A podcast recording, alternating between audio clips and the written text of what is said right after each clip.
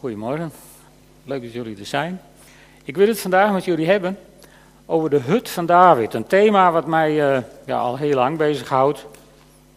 En uh, ik mag er zelfs de hele maand over preken.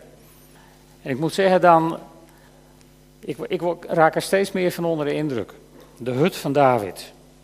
En uh, ik wil met jullie lezen uit Handelingen 15. Ik hoop dat je een Bijbel mee hebt. Handelingen 15, de eerste 17 versen.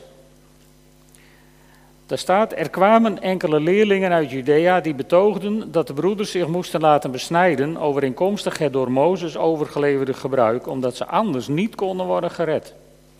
Dit leidde tot grote oneenigheid tussen Paulus en Barnabas en mondde uit in een, felle, of in een grote oneenigheid met Paulus en Barnabas en mondde uit in een felle woordenstrijd. Besloten werd dat Paulus en Barnabas samen met enkele andere leerlingen naar Jeruzalem zouden gaan om deze kwestie voor te leggen aan de apostelen en de oudsten. Nadat de gemeente hun uitgeleide had gedaan, gingen ze op weg en trokken ze door Fenicië en Samaria.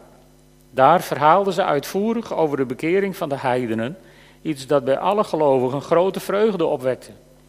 Bij hun aankomst in Jeruzalem werden ze verwelkomd door de apostelen en de oudsten en door de rest van de gemeente. Ze brachten verslag uit van alles wat God door hen tot stand had gebracht. Enkele gelovigen die tot de partij van de Fariseeën behoorden, gaven echter te verstaan dat ook de niet-Joodse gelovigen dienden te worden besneden en opdracht moesten krijgen zich aan de wet van Mozes te houden. De apostelen en de oudsten kwamen bijeen om nader op deze zaak in te gaan. Toen het tot een hevige woordenstrijd kwam, stond Petrus op en zei: Broeders, u weet dat God mij al in het begin uit uw midden heeft uitgekozen om de boodschap van het evangelie onder de heidenen te verspreiden en hen tot geloof te brengen. God, die weet wat er in de mensen omgaat, heeft blijk gegeven van zijn vertrouwen in de heidenen door hun de Heilige Geest te schenken, zoals hij die ook aan ons geschonken heeft. Hij heeft geen enkel onderscheid gemaakt tussen ons en hen, want hij heeft hen door het geloof innerlijk gereinigd.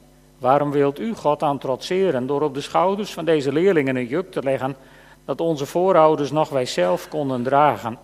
Nee, we geloven dat we alleen door de genade van de Heer Jezus gered kunnen worden, op dezelfde wijze als zij. Daarop zwegen alle aanwezigen en men luisterde naar Barnabas en Paulus, die vertelden welke grote tekenen en wonderen door hen onder de heidenen God had verricht. Toen ze waren uitgesproken, nam Jacobus het woord en zei: Broeders, luister. Simeon heeft uiteengezet hoe God zelf het plan heeft opgevat om uit de heidenen een volk te vormen dat zijn naam vereert.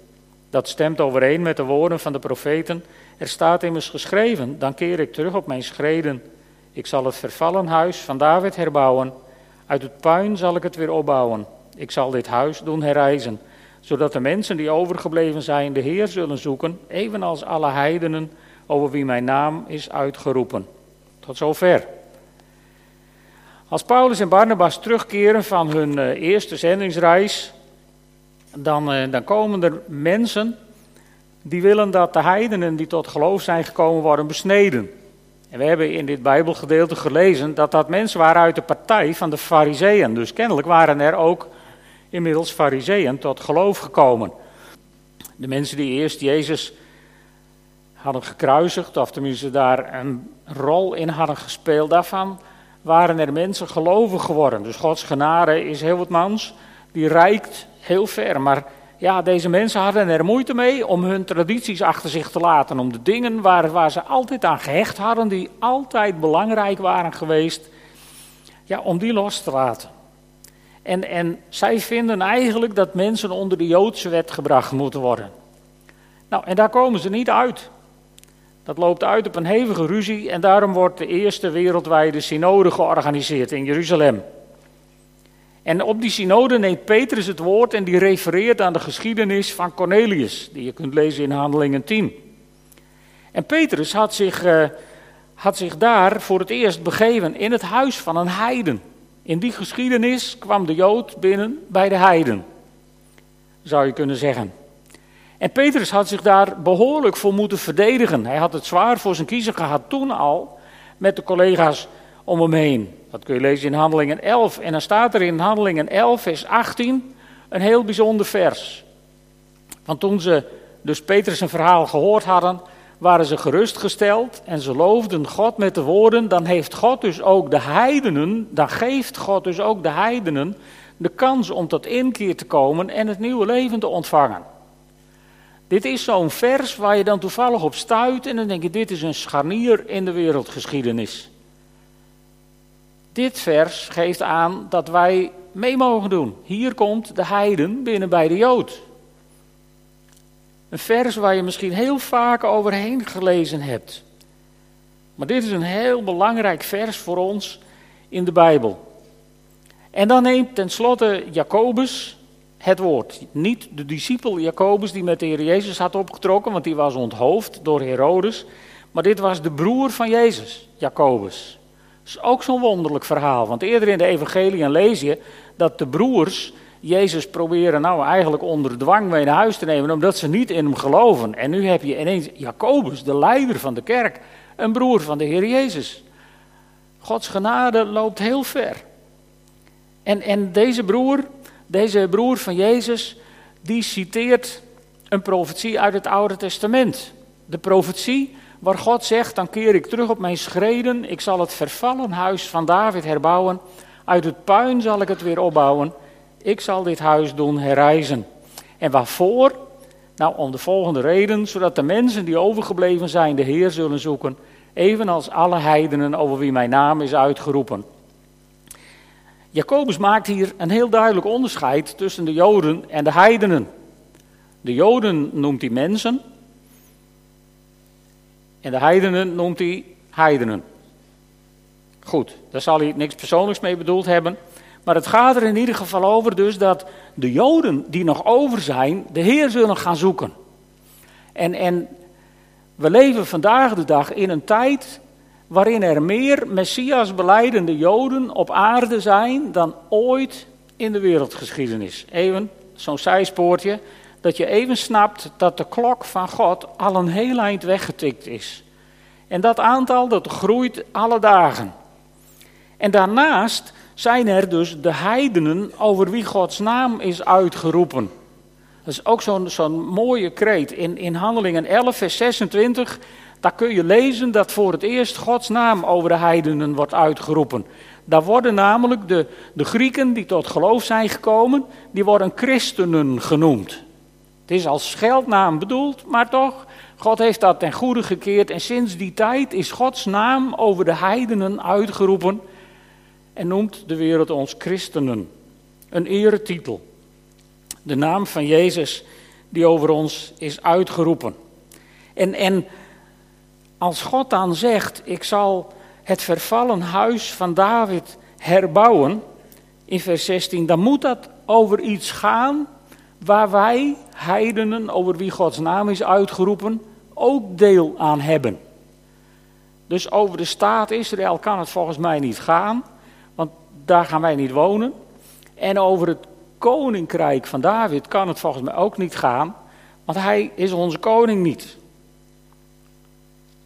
De vraag is, waar gaat het dan wel over? En dan is het goed om even naar een, een aantal vertalingen van dit vers te kijken.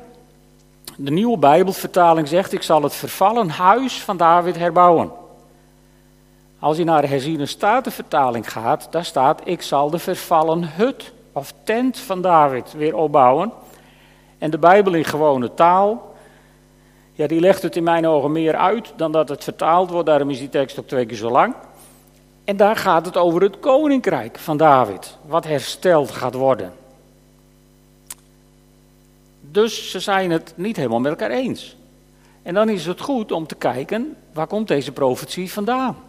Nou, deze profetie die komt uit Amos 9, vers 11. En dan zie je een grote consequentie, dat moet ik ze alle drie nageven in deze vertalingen. Want de nieuwe Bijbelvertaling blijft bij het huis van David. De herziene statenvertaling heeft het over de hut of de tent van David. En de Bijbel in gewone taal blijft bij het koninkrijk. En ik denk dat de verschillen meer ingegeven zijn door visie dan door vertaalwerk.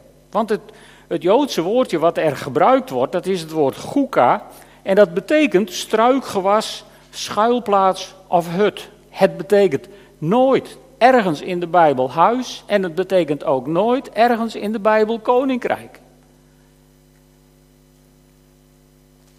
En als je dat woord Guka gaat opzoeken in de Bijbel en je laat je computer even zoeken, dan, uh, dan vind je de meeste teksten waar dit woord staat, die gaan over het Loofhuttenfeest.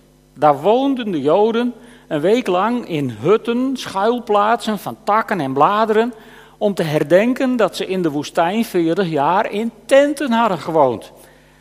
Nooit in huizen en een koninkrijk hadden ze in de woestijn ook nog niet. Dus volgens mij is het heel legitiem om te zeggen, daar kan het niet over gaan. En natuurlijk kun je die tekst, Amos heeft die tekst waarschijnlijk bedoeld voor de terugkeer uit de ballingschap en het herstel van Israël. En je kunt die tekst voldoende uitwringen om hem ook vandaag op het herstel van Israël te betrekken. Maar er zijn veel meer directere teksten over het herstel van Israël en die zien we aan alle kanten in vervulling gaan. Dus dat stel ik ook niet ter discussie, maar dit vers gaat daar volgens mij niet over. En uh, het feit dat Jezus als zoon van David het koningschap heeft opgenomen en over ons heerst, dat is ook een waarheid waar ik absoluut niet aan wil tornen. Maar ook daar gaat dit volgens mij niet over. Want als Jacobus de tekst citeert in het Grieks, gebruikt hij het Griekse woord skene. En dat betekent ook alleen maar tent of tabernakel. Dus dat is de primaire betekenis van dat woord. Ja, en hoe kom je er dan achter waar het over gaat? Nou, ik pretendeer niet dat ik het allemaal weet, maar ik wil iets met jullie delen wat ik heb mogen vinden. Als je kijkt naar de herziene statenvertaling, dan heeft Amos het over de oude tijden. En als je dan teruggaat in de tijd en je gaat op zoek naar een tent, dan vind je in de oude tijden van Amos uitgezien een hele bijzondere tent. En dat is de tent van Mozes in Exodus 33. Er is nog geen tabernakel, maar Mozes die slaat buiten het kamp een tent op, op ruime afstand ervan. En die tent noemt hij de ontmoetingstent. En ieder die de Heer wilde raadplegen, ging naar de ontmoetingstent buiten het kamp. En dit is heel spectaculair. Want dan staat er, telkens als Mozes zich erheen begaf, gingen allen voor de ingang van hun tent staan en keken Mozes na tot hij naar binnen was gegaan. Moet je voorstellen, daar in de woestijn, daar komen meer dan een miljoen mensen hun tent uit en die staan daar in de zandbak om Mozes achterna te kijken hoe hij op weg is naar die tent. En wat zien ze dan? Nou, dan zien ze dat als hij in de tent is, dat de wolkolom van God die hen begeleidt, die daalt neer op die tent en die blijft daar staan en dan spreekt de Heer met Mozes. En dan knielen al die meer dan een miljoen mensen die knielen in het zand om God te aanbidden, zolang Mozes daar bij de Heer is. Ik weet niet wat jouw buren vanmorgen deden toen je op weg was hier naar de kerk, maar die van mij, die zijn gewoon op bed blijven liggen. Dit was heel spectaculair wat hier gebeurde. En dan staat er, de Heer sprak persoonlijk met Mozes zoals een mens met een ander mens spreekt. En daarna keerde Mozes terug naar het kamp en dan is er zo'n jonge dienaar, Jozua, en die is niet uit de tent te slaan. Die blijft daar gewoon, want die, weet je, die was volgens mij nog onbedorven en die, die had nog iets met die intieme aanwezigheid van God die wij volwassenen, als we niet opletten, zo gemakkelijk kwijtraken. En Jozua niet. Die bleef daar maar. Nou, en na deze tent komt de tabernakel. Dat is een ander Hebreeuws woord, dus daar gaat het niet over. En na de tabernakel, of tenminste wanneer de tabernakel op zijn minst ernstig in verval is geraakt, komt er nogmaals een tent in beeld. David is inmiddels koning geworden. En Jeruzalem is zijn hoofdstad geworden. En hij heeft in die stad zijn koninkrijk gevestigd. En David heeft één verlangen. En dat is de aanwezigheid van God in zijn leven. David die, die houdt dat niet uit dat, dat de ark waar God op, op woont tussen de vleugels van de Gerubs, dat die ergens anders staat, bij iemand in de garage geparkeerd en niet in Jeruzalem. Dat, dat kan hij niet langer verdragen. Dus het wordt georganiseerd om de, de ark naar Jeruzalem te brengen. Nou, de eerste keer gaat dat fout en de tweede keer gaat dat goed.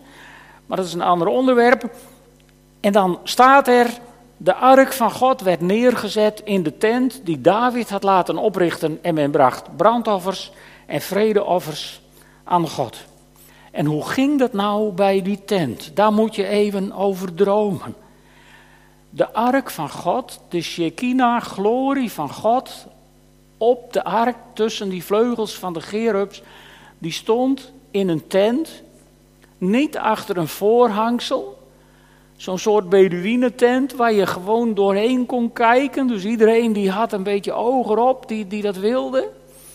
En, en ik stel me zo voor dat David met zijn harp onder de arm af en toe eens even bij die ark zat. En dan weer een, een, liedje speelde voor God. Dat liedje zijn wij dan psalm gaan noemen en die hebben we helemaal heilig verklaard. Maar voor David waren dat gewoon liedjes voor God. Hij zong zijn hart uit voor God in de aanwezigheid van God. In die intimiteit met God. En ik geloof dat dat is wat God wil herstellen. Die intimiteit met God. Waar je gewoon zonder tussenkomst of zonder iets bij God kunt komen. Weet je, als je hier vanmorgen bent gekomen om van mij het woord van God te horen, zodat je de week weer door kunt, dan heb ik werkelijk intens medelijden met je. Wat een hongerdieet. Als je hier bent gekomen om God te aanbidden, op de liederen die Madeleine heeft uitgezocht, al hoe geweldig mooi ze zijn, Madeleine, maar dan heb ik intens medelijden met je. Als dat jouw relatie met God is, hoor je bij de meest beklagenswaardige mensen op deze aarde. Als er niet meer intimiteit met God is in je leven.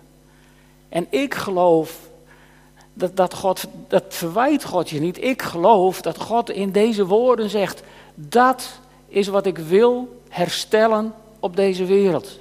Hier ga ik voor. Hier ga ik voor. Want kijk maar, het is David niet goed genoeg, dat tentje. En op een dag zegt David tegen de profeet Nathan: Joh, ik, ik vind dit maar niks. Ik zit hier in een groot mooi huis en, en, en, en die ark staat daar maar in een tentje. En Nathan die zegt: Joh, doe wat er op je hart is. Volg je visie. Bouw iets. En s'nachts wordt Nathan teruggefloten door de heren en moet hij terug naar David om te zeggen: Nee, dat gaat nu even nog niet gebeuren. En dan moet Nathan terug en dan, wat zegt God dan tegen David? Hij zegt, ik heb nog nooit in een huis gewoond vanaf de dag dat ik jullie uit Egypte heb gehaald. En hij zegt, ik heb ook nooit in de tijd van de richteren ook maar één rechter opgedragen om voor mij een huis te bouwen, want voor mij hoeft het niet. En waarom hoeft dat voor God niet? Omdat volgens mij God weigert structureel om te worden opgeborgen in een instituut. Zelfs als dat instituut Open Thuis heet. Ongrijpelijk. Maar God heeft besloten om dat niet meer te willen. Niet opgeborgen in een ding met allemaal regels en scheidingen en voorhangsels. Niets van dat alles. God wil een persoonlijke relatie met jou. Want dat is volgens mij waar het om ging. Mozes, Mozes ging in de woestijn niet naar die tent om die tent. En David haalde de ark niet naar Jeruzalem om dat kistje. Al hoe heilig dat in die tijd ook was. En God wilde geen tempel om de tempel. Eigenlijk wilden ze allemaal alleen maar gewoon samen zijn en met elkaar praten. Als vrienden. En weet je, het volk Israël had dat geweigerd. Want toen God op de berg Sinaï de wet voorlas aan het volk, fysiek hè, al die miljoen mensen die hoorden God fysiek de wet voorlezen. En wat zeiden ze toen tegen Mozes? Dit gaan we niet meer doen. Jij praat maar met God en dan breng jij ons de boodschap maar over. En ik heb niks tegen profetie, begrijp me heel goed, maar profetie is voor God tweede keus. God wil niet via anderen tegen jou praten. God wil ook niet alleen door zijn geschreven woord met jou communiceren. Hij wil een persoonlijke relatie met je. Dat is waar God naar verlangt. Dat je gewoon eens even bij hem komt zitten en dat er gebeurt wat er staat in, uh, in Exodus 33. De herziene statenvertaling vertaalt het heel mooi. De Heere sprak tot Mozes van aangezicht tot aangezicht, zoals een man met zijn vriend spreekt. Kun je dat voorstellen? En dat was niet alleen voor toen, dat is wat God wil herstellen. Stel je voor, droom even weg met mij. Stel je voor, God zit, God zit naast je. En die stoot je aan vanmorgen. En die zegt, joh, hoe is het eigenlijk met je? Dat zou ik willen weten. Hoe is het eigenlijk met je? Kun je dat voorstellen? Dat de grote, heilige God hier niet komt om, om, om allerhande plichtplegingen met je te volbrengen. Of om je eens even te vertellen hoe ernstig en hoe erg het allemaal wel niet is met de wet en toestanden. Maar dat hij gewoon naast je komt zitten en je aanstoot en zegt, hoe is het eigenlijk met je? Wauw. En ik zeg je, dat is wat God vanmorgen van jou zou willen weten. En morgen en overmorgen en elke dag van de week als je zo op jouw moment van de dag even, even de tijd met God hebt, dan wil God even weten, hoe is het? Hoe is het nou met je? Vertel me even, hoe is het nou met je? Waar zit je mee? Waar worstel je mee? Waar huil je om? Waar lach je om? Vertel eens, hoe is het eigenlijk met je? En, en, en als, je, als je het lef hebt, dan zou je God eens even aan moeten stoten als hij toch naast je zit. Hoe is het eigenlijk met u? Maar dan moet je niet schrikken als God zijn hoofd op je schouders legt en in tranen uitbarst. En dan je vraagt, joh, heb je gezien wat mijn schepselen in Aleppo elkaar aandoen? Heb je gehoord vanmorgen van die bruiloft in Turkije, 30 doden, 90 gewonden? En, en, en heb je meegekregen dat dat 80% minstens van jouw volk vindt dat ik er niet meer te doen, dat het zonder mij beter gaat dan met mij? Ik denk dat we zouden schrikken hoor, als wij God zouden vragen, hoe is het eigenlijk met u? Maar misschien moeten we ons eerst even, even eraan wennen dat God aan ons vraagt, hoe is het met jou? Laten we daar eens beginnen. Maar God verlangt ernaar om die hut van David, die tent van David weer op te richten, waarin hij gewoon even naast je kan zitten en met je kan praten, zoals een man praat met zijn vriend. Of misschien wel als een vrouw met haar vriendin. Gewoon even, hoe gaat het met je? Vertel eens even. Lucht je hart. Waar ben je mee bezig? Geweldige tijd moet dat geweest zijn die Mozes daar had met God. En misschien denk je, ja, maar, maar ja, dat was Mozes en dat is, ja, dat, dat is, dat is bijbelse tijden. En dat maar, maar weet je, dan wil ik je bemoedigen. Johannes 15, vers 15 dan zegt Jezus tegen zijn discipelen: Jongens, luister eens even, ik noem jullie geen slaven meer, want een slaaf weet niet wat zijn meester doet. Vrienden noem ik jullie omdat ik alles wat ik van de Vader heb gehoord aan jullie heb bekendgemaakt. Jezus had met zijn discipelen gepraat zoals een man met zijn vrienden praat. En vertelt wat de Vader van hem wilde en van hun wilde. En hij zei, vrienden noem ik jullie. En dat is niet beperkt tot die twaalf jongens tegen wie hij dat zei. Want de discipelen die kregen een opdracht om heen te gaan en discipelen te maken. En waarom moesten ze discipelen maken om discipelen te maken? En waarom moesten die discipelen maken om weer discipelen te maken? En dat doen ze inmiddels al ruim 2000 jaar. En daarom zitten wij hier als discipelen van Jezus bij elkaar. En zegt Jezus tegen jou: Hé vrienden noem ik jullie. Want wat de Vader mij gezegd heeft, dat heb ik jullie bekendgemaakt. Hè? Dat weet je al. Maar hoe gaat het eigenlijk met je? Vertel eens even. Hoe ziet je week eruit? Waar zie je tegenaan de komende week? Waar worstel je eigenlijk mee? Kan ik je helpen? Kan ik wat voor je betekenen? Want ik wil je vriend zijn. Ik wil die hut van David herbouwen. Waar we geen relatie van slaaf tot meester hebben of of andere gezagsrelaties. Ik wil, ik wil je vriend zijn de komende week. Ik wil deze week wil ik naast je zitten. En joh, hoe gaat het eigenlijk met je? Straks beginnen de scholen weer, zie je er ook tegenaan. Vind je het vervelend? Vind je het spannend? Misschien krijg je een nieuwe baan of misschien dreig je je baan kwijt te raken. Vind je het spannend? Of je moet de komende weken of de komende weken ga je een kindje krijgen. Vind je het spannend? Want God zit even naast je en die zegt, hoe gaat het eigenlijk met je? Durf je het aan? Met mij zullen we samen even in de hut van David. Prachtig. En Jezus heeft dat mogelijk gemaakt. Weet je, hij is, hij is zelfs in ons hart komen wonen om dicht bij ons te zijn. Paulus die schrijft in Efeze 3, vers 17: Door het geloof is Christus gaan wonen in je hart. Dus je hoeft er niet eens ver voor weg. Je hebt hem nog korter bij dan Mozes in zijn tent. Je hoeft niet eens het kamp uit. Je kunt gewoon gaan zitten op de eerste, de beste, comfortabele stoel die je tegenkomt. Want hij woont in je hart. Wauw. Hij weet ook wat daar omgaat in je hart. Oh. Ja, hij, hij wil een intieme relatie met jou. Dus ik, ik weet niet hoe je zo pas hebt meegedaan met het zingen. Misschien heb je gehoord dat de helft van de versterking eruit ligt vanmorgen en dat we maar aan één kant geluid hebben. En heb ik gedacht, nou, dat is toch ook niks vandaag. Misschien heb je gedacht, we hebben niet eens een drummer, hoe kan dit ooit wat worden? Misschien heb je ook gedacht van, Heer, ik ben hier gekomen om u te aanbidden. Ik wil bij uw hart zijn deze ochtend. Op de liederen die Marlene heeft, heeft uitgezocht en die, die Rinze en Elsa samen spelen. Het kan me niet schelen hoe het klinkt. Ik wil bij u zijn deze morgen. Wauw. Ik wil u aanbidden.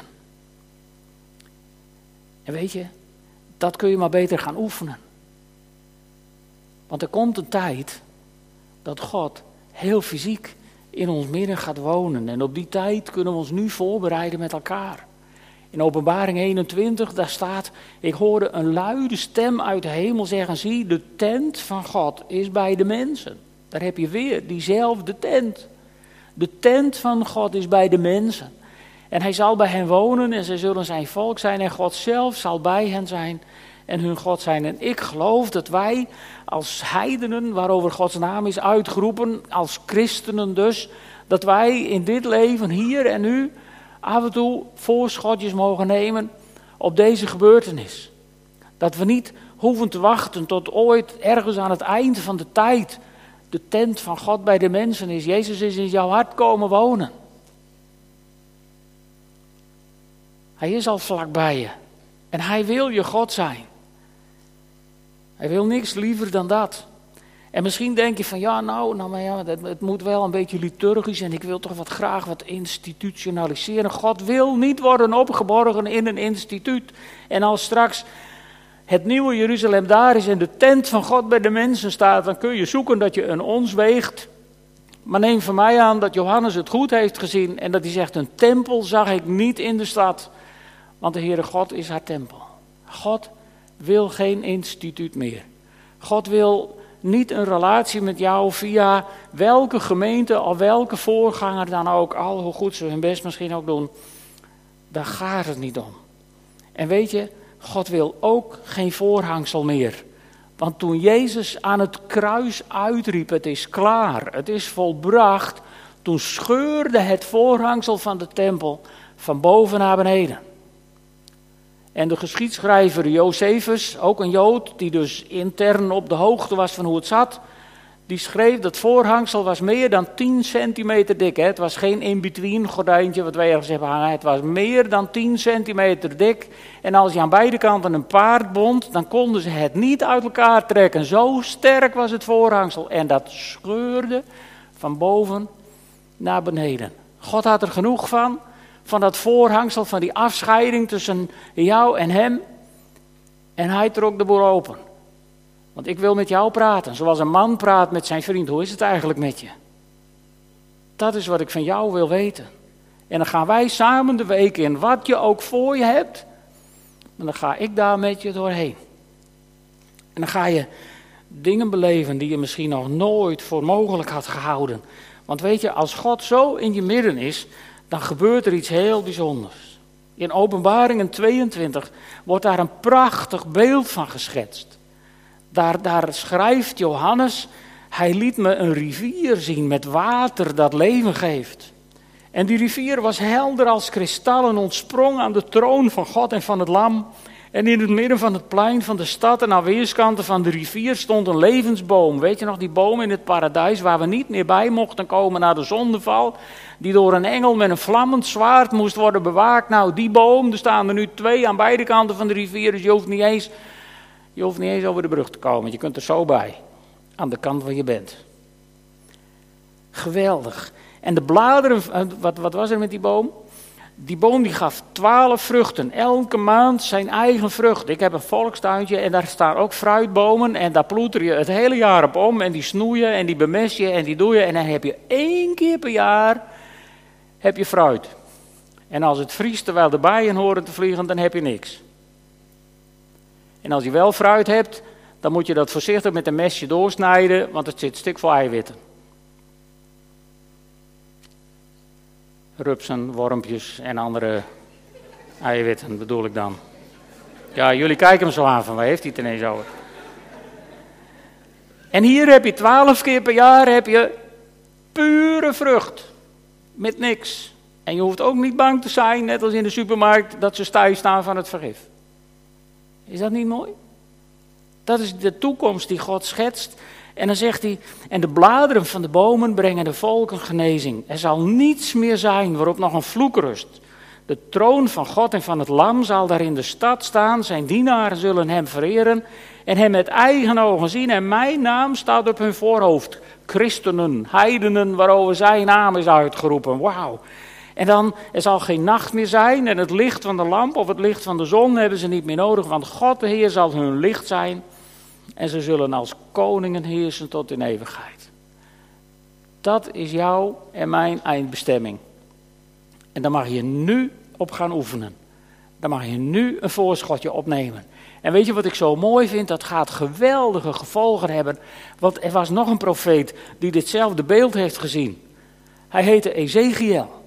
En hij zag dat beekje, die rivier, zag hij tevoorschijn komen onder de, onder de schone poort van de tempel. De gouden Golden Gate, hè, die door de heidenen is dichtgemetseld, zodat Jezus er niet in kan. Dat lossen we dan wel op. En dan zegt Ezekiel, als hij terugkomt nadat hij door de rivier heeft gezwommen, zag ik op de oevers aan weerskanten heel veel bomen. Hij zei tegen mij, dit water stroomt door de oostelijke landstreek, daar beneden de Jordaanvallei en er mondt uit in de Dode Zee. En wanneer het de zee instroomt, wordt het water daar zoet. Wie van jullie is in Israël geweest? Oké, wie heeft er in de Dode Zee gezeten? Dan wil je na een minuut of tien wel uit, hè? Tenminste, ik wel. Had ik het idee dat mijn vel oploste. En dan ga je op zoek naar een douche. Ja. Geloof jij, ik weet niet of je de beek Kidron ook hebt gezien. Waar die in de Dode Zee komt, geloof jij dat van een beetje zoet water de Dode Zee zoet kan worden? Elke natuurkundige zal het hoofd schudden en je uitlachen en denken, die is gek. Maar mijn Bijbel zegt dat waar dit water in de Dode Zee stroomt, wordt de Dode Zee zoet en zal hij wemelen van de vissen en zal het barsten van het leven. En als mijn Bijbel dat zegt, dan gaat het gebeuren. Als het leven van God gaat stromen, omdat wij in de intimiteit met God durven te komen, in die hut van David, die God zo, zo hartstochtelijk wil oprichten in jou en mijn leven. Als van daaruit het levende water gaan stromen, dan kan er niets op aarde en niets in jouw leven of in jouw situatie zo dood zijn dat er geen leven gaat ontstaan. Dat kan niet. Want mijn God zegt dat dat gaat gebeuren. En, en het wordt nog veel mooier. Want dan gaan mensen vissen langs de oevers enzovoort. En in vers 12 staat, aan de oevers van de rivier zullen allerlei vruchtbomen opkomen. Daar heb je ze weer, waarvan de bladeren niet zullen verwerken, welken en de vruchten niet zullen opraken. Elke maand, zie je, daar heb je ze weer, zullen ze vrucht dragen. Het water stroomt immers uit het heiligdom. De vruchten zullen eetbaar zijn en de bladeren geneeskrachtig. Wauw.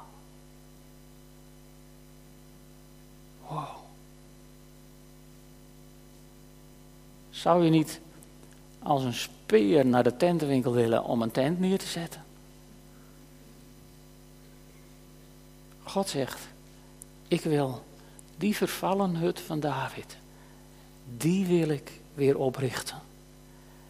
Die vervallen plek van intimiteit, waar David met zijn harpje gewoon kwam zitten en nieuwe liedjes zong. Dat is wat ik terug wil. Die plek waar misschien straks Renze met zijn gitaartje bij God komt zitten en nieuwe liedjes gaat zingen. Maar nou, wij ze met z'n allen gaan leren, weet ik Ik fantaseer ook maar even wat. Maar zou dat nou niet geweldig zijn? Om zo met God in intimiteit terug te kunnen keren. Dus als je verwacht dat God straks een mega-instituut gaat oprichten aan het eind van de tijd, dan moet je nu je verwachtingen heel rap bijstellen, anders ga je heel diep teleurgesteld worden. Want dat gaat niet gebeuren. God gaat in jouw persoonlijke leven die vervallen tent van David herstellen. En ik hoop en ik bid dat hij dat in mijn leven ook gaat doen. En dat hij dat in jouw leven ook gaat doen. En dat we over een tijdje misschien zondags hier bij elkaar komen. En dat ik niet meer aan de beurt kom. Maar dat we elkaar alleen maar vertellen wat we de afgelopen week bij God in de tent hebben beleefd. Zullen we gaan staan en samen bidden? Vader God, we weten niet precies wat u wilt gaan oprichten. Maar, maar ik geloof met mijn hele hart, Heer, dat u verlangt naar een, een, een mega intimiteit met een ieder van ons. Een intimiteit waarbij wij geen, ja, geen, geen kunststukken hoeven uit te halen. Maar waarin u gewoon naast ons komt zitten. En zegt, hoe gaat het nou eigenlijk met je? En ik bid, Heere God, begin daarmee. Begin daarmee in iedereen die hier is, Heer, deze ochtend. Heer, herstel intimiteit. Herstel die relatie met u. Heer, waar we afhankelijk zijn geworden van, van voorgangers en van zangleiders en van cursussen en van instituten, Heer, maak ons vrij daarvan. Heer, zodat we vanuit die diepe intimiteit met u bij elkaar mogen komen. Om u te vieren. Heer, u bent, u bent geweldig. U bent zo geweldig en u houdt van ons, Heer, zoals Madeleine zei, omdat u van ons houdt. Daar hebt u geen andere reden voor nodig. En ik bid, Heer, geef de mensen in Nederland weer dat ze van u houden, omdat ze van u houden. Stort uw geest uit. Raak ons aan. Zet ons in vuur en vlam. Heren, niet om, om grote dingen te bouwen, maar om samen met u te zijn. En te praten zoals een man met zijn vriend praat. Dat bid ik van u in de naam van Jezus. Amen.